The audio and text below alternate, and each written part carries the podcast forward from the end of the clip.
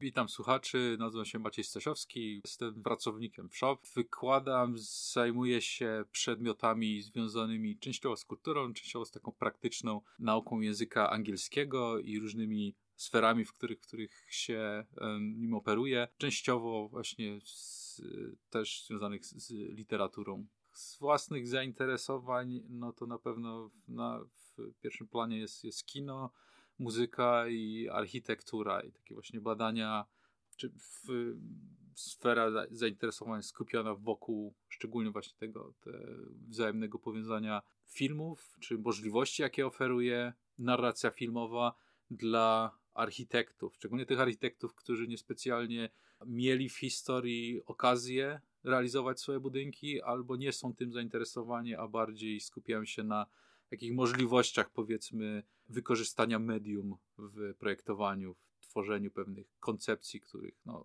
z przyczyn praktycznych się nie zrealizuje w rzeczywistości. Panie doktorze, spotykamy się z racji pańskiego zamiłowania do sztuki filmowej. Chciałbym zapytać się o to, jakie najczęściej błędy są popełniane przy tłumaczeniu tytułów filmów na język polski problemem jakby im więcej wczytywałem się w całe to zagadnienie, no to tym bardziej dochodziłem do wniosku, że to nie do końca powinno się za każdym razem nadawać temu, naklejać na to etykietkę błędu. To jest po prostu zestaw, mm, szereg czynników, które tłumacz musi wziąć pod uwagę w takim dyskursie o, mającym na celu oczywiście dobro potencjalnego widza, ale też promocję filmu, dystrybucję, jego funkcjonowania na rynku, pewną historię skojarzeń, powiedzmy, nawet z danymi tytułami czy zakresem tytułów, które mogą być z tym związane, więc faktycznie bardzo często trafia się na takie przypadki, gdzie no, Die Hard zostaje przetłumaczone jako szklana pułapka, w Dirty Dancing jako wirujący seks, które no, proszą się po prostu o, o popukanie w głowę. Natomiast e, faktem jest, że, że często, kiedy opisuje się w ogóle samą problematykę tłumaczenia, sporządzania napisów do filmu, ale to się przekłada także na tłumaczenie paratekstów filmowych, czyli blurbów, opisów na okładkę, jakichś materiałów promocyjnych, no i w tym samego tytułu. Trzeba na to spojrzeć z takim e, z pe pewną dozą rezerwy, można powiedzieć, ponieważ tytuł ma być, ma duży ładunek promocyjny. On ma zachęcić widza do wybrania tego, a nie innego filmu. On musi być przede wszystkim też naturalnym skojarzeniem. Bardzo często amerykańskie tytuły filmów, e, tytuły amerykańskich filmów to jest jakaś e, gra słów, to jest jakaś wariacja, coś, co odnosi się bezpośrednio do jakiegoś aspektu związanego z kulturą, na przykład amerykańską, bo stamtąd mam akurat gro produkcji. No i z samej natury, samej logiki, no, szereg tych kontekstów jest zupełnie niezrozumiałych dla przeciętnego widza. Dla wtajemniczonych jest pewnym, no, pewną insiderską wiedzą. No i lepiej jest z tej perspektywy, z tego stanowiska, jakby stworzyć tytuł, który będzie budził bliższe skojarzenia zdecydowanie u widza polskiego na zasadzie pewnej no, użycia podobnej frazy, może e, odniesienia się do analogicznego przysłowia, ale tłumacząc nie tyle dosłownie słowo po słowie, czy o oryginalną zbitkę słów, co na przykład e, dochodząc jakby do polskiego odpowiednika przez analogiczny proces związany z różnymi transformacjami tam kognitywnymi czy semantycznymi, czyli na przykład znalezienie podobnego przysłowia, czy przysłowia, które funkcjonuje w analogiczny sposób jak ten oryginał.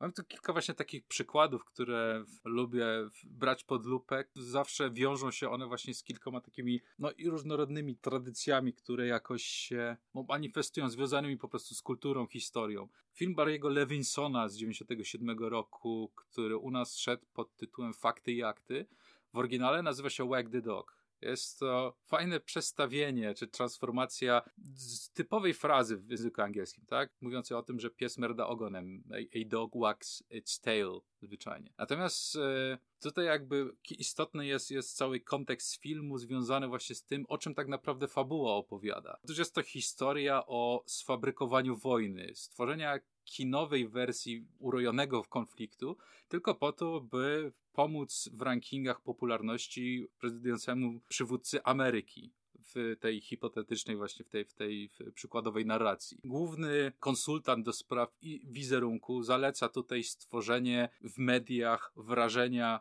konfliktu Stanów Zjednoczonych z jakimś fikcyjnym krajem, który zostaje przedstawiony, zaprezentowany jest właśnie jako ta zwycięska wojna Ameryki, w której no nie tylko, z której nie tylko skorzystają przeciętni Amerykanie, w której Ameryka jest obrońcą uciśnionych i która ewidentnie no, przypomni o tym, kto tak naprawdę rządzi krajem w kontekście prezydenta, no, który nie, nie cieszy się zbytnią zbytnim uwielbieniem ludu. A więc mamy tutaj paradoksalną sytuację, gdzie media nie tyle komentują, czy komentują jakieś faktyczne wydarzenie, co wydarzenie rodzi się dopiero za sprawą mediów. To jest bardzo zresztą podobny rama myślowa do tego, co Jean Baudrillard przedstawił w książce, w takim długim eseju Wojny w Zatoce nie było, gdzie opowiadał o tym, w jakim stopniu za pomocą reprezentacji, za pomocą prasy, materiałów telewizyjnych, stworzono wrażenie rzeczywistego konfliktu z czegoś, co prawdopodobnie miało o wiele mniejszą skalę. A więc mamy tutaj zupełne obrócenie sytuacji o 180 stopni, a więc tego przysłowiowego, czy raczej ten przysłowiowy ogon, który merda psem. Polskie tłumaczenie no, nijak nie, nie przełożyłoby się na ładnie brzmiący termin o analogicznej wymowie czy wydźwięku, więc no, tłumacz uciekł się do takiego fortelu. Użył słowa, sformułowania czy, czy zbitki fakty i akty. Z tym, że normalnie powiedzielibyśmy prawdopodobnie fakty i akta, tak? Jako dwa, e, dwie kategorie, czy może dwa rozumienia pewnej prawdy dokumentalnej, tak? Akta, w których znajdują się raporty na temat rzeczywistych wydarzeń, no i fakty jako ta niepodważalna prawda, która jest przekazywana.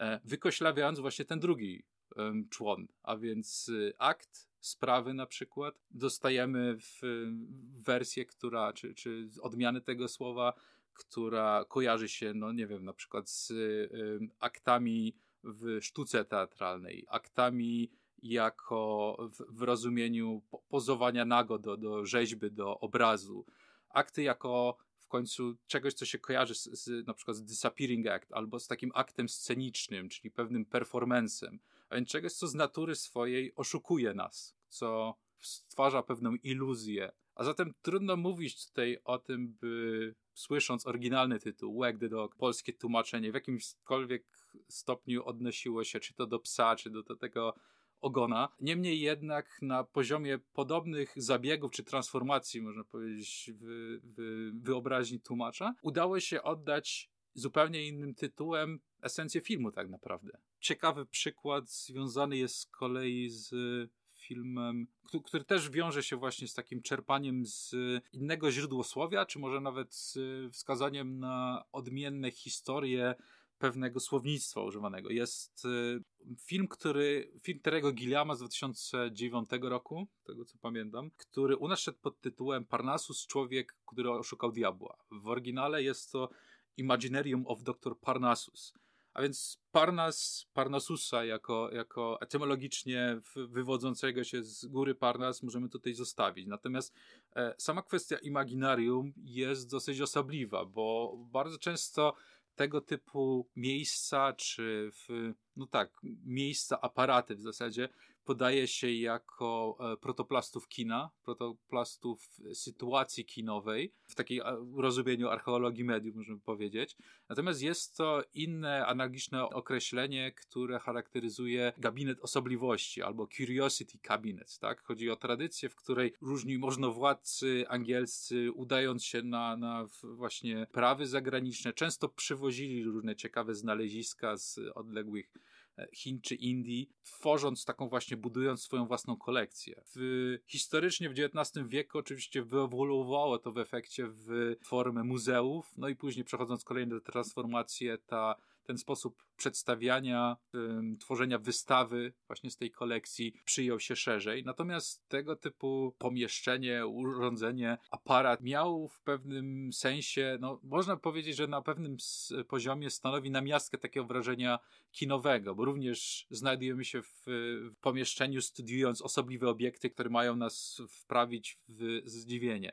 No, w filmie jest to, można powiedzieć, taki obwoźny show, który pokazuje te osobliwości na zasadzie pewnego spektaklu, w którym uczestniczą współcześni Londyńczycy w filmie Gilliama, a więc też w zasadzie pewien korelat, pewien, pewna alternatywa dla wrażenia kinowego, która, no, która trąci trochę myszką, no jest, jest czymś mm, ewidentnie zapomnianym przez wieki. No i taką też postacią jest jakby właśnie sam główny no, bohater, e, jeden z głównych bohaterów, bo wprawdzie jest jego imię tutaj w tytule, ale, ale nie jest on moim zdaniem naczelnym bohaterem całego tego filmu. Natomiast y, tłumaczenie Imaginarium jako Imaginarium byłoby zabiegiem dosyć sztucznym, no bo stworzylibyśmy, wprowadzilibyśmy nowe słowo, które nie do końca wiąże się z tym samym kontekstem. Znaczy, w, wiadomo, że oryginalnie jak źródło słów wiąże się, związany jest z wyobraźnią, z, z miejscem, w którym wyobraża się coś. Natomiast w,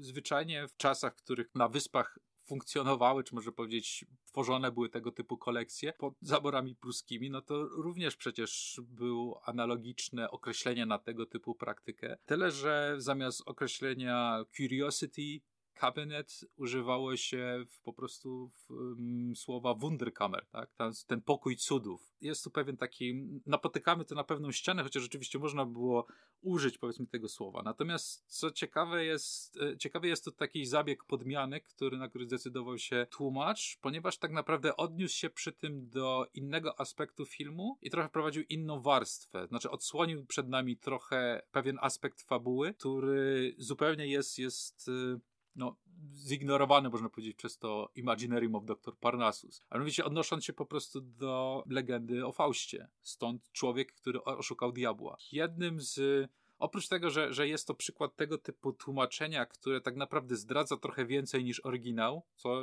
dzieje się nagminnie niestety, nieraz wyja wyjawiając, można powiedzieć, nawet czasami końcówkę filmu, to jednak o tyle jest to ciekawe moim zdaniem rozwiązanie, że w tym polskim tłumaczeniu można powiedzieć, że przywołana zostaje czasowo podobna czy powiązana tradycja, która również pokazuje coś, no nie tylko odsłania powiedzmy właśnie pewien strukturalny aspekt samego scenariusza, czy tam główną, jedną z głównych intryg w tym, w tym filmie, ale też przywołuje, czy konotuje powiedzmy tutaj w, w takim skojarzeniu w przyszłego widza właśnie tą historię związaną właśnie z getem, z, w, którą, którą Goethe przedstawił światu, która e, w jakimś stopniu również można powiedzieć z taką, taką w, trochę zwietrzałą już narracją można powiedzieć, czym pewnym archetypem. No i, i, bardzo pasuje to szczerze mówiąc do wymowy całego filmu, tak, który w zasadzie właśnie poprzez ten obwoźny kram, to obwoźne imaginarium doktora Parnasusa konfrontuje współczesną młodzież, współczesnych mieszkańców Londynu z pewną zignorowaną, czy ignorowaną przez nich dotąd etymologią, historią, może archeologią pewnych zjawisk, które są dla nich oczywiste. W takim razie, jakie czynniki wpływają na to, czy tytuł jest dobrze przetłumaczony? Dobre tłumaczenie, moim zdaniem, zachowuje wierność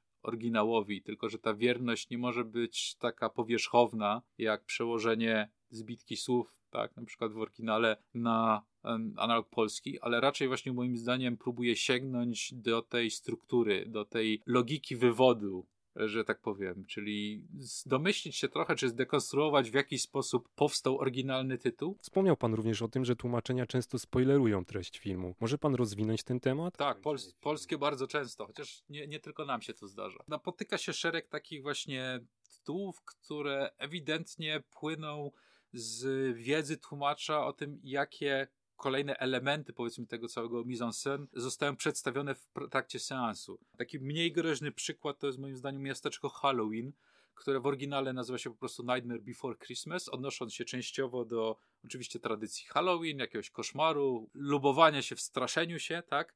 Z drugiej strony do drugiego naczelnego święta amerykańskiego, tego Bożego Narodzenia. W polskim tytule zostaje tylko Halloween, tak naprawdę, które o tyle mogło być kojarzone, no, że w połowie lat 90. faktycznie młodzież w pewnym sensie była wykona- wychowana już trochę na różnych hollywoodzkich filmach, w tym no, prawdopodobnie albo bajkach, albo w na przykład horrorach, które często no, dzieją się po prostu w tym święcie. No, jednym z ulubionych przykładów jest przecież seria Halloween, tak? która no, znana była raczej polskiemu widzowi z lat 80. Natomiast zamiast tego drugi człon zostaje zastąpiony w miasteczkiem.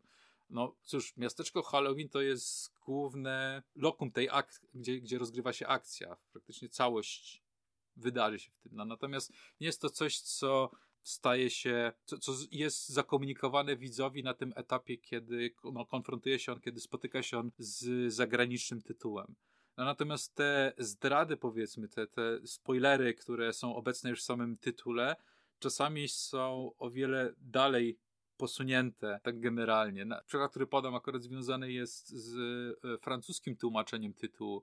Natomiast jest to pewne kuriozum. No, tytuł, film, który wszedł w 1982 roku, pod tytułem The Draughtsman's Contract, debiut fabularny Petera Greenawaya. W Francji został przetłumaczony jako morderstwo w angielskim ogrodzie. A zatem znamy już miejsce akcji, kluczowy moment jakby filmu i zdradza też tak naprawdę co się wydarzyło, no bo ponieważ widzowi przedsta przedstawiony zostaje, czy zakomunikowany zostaje polskiemu w zasadzie tylko ten, ten ogólny tytuł, który akurat bardzo został w, bezproblemowo, można powiedzieć, przełożony na polski jako po prostu kontrakt rysownika, powodując pewną intrygę, ale nie wyjaśniając absolutnie nic, nie zdradzając nic samego, samego przedstawienia filmowego, no to w wersji francuskiej można powiedzieć, że w pewnym sensie oglądaliśmy film przed kupieniem biletu. Skąd biorą się te błędy, o których teraz rozmawiamy? Możemy je w pewien sposób skategoryzować? Trudno trochę, bo to w zasadzie wszystko jest związane z kreatywnością polskiego tłumacza w tym przypadku, tak, że są nowe kategorie błędów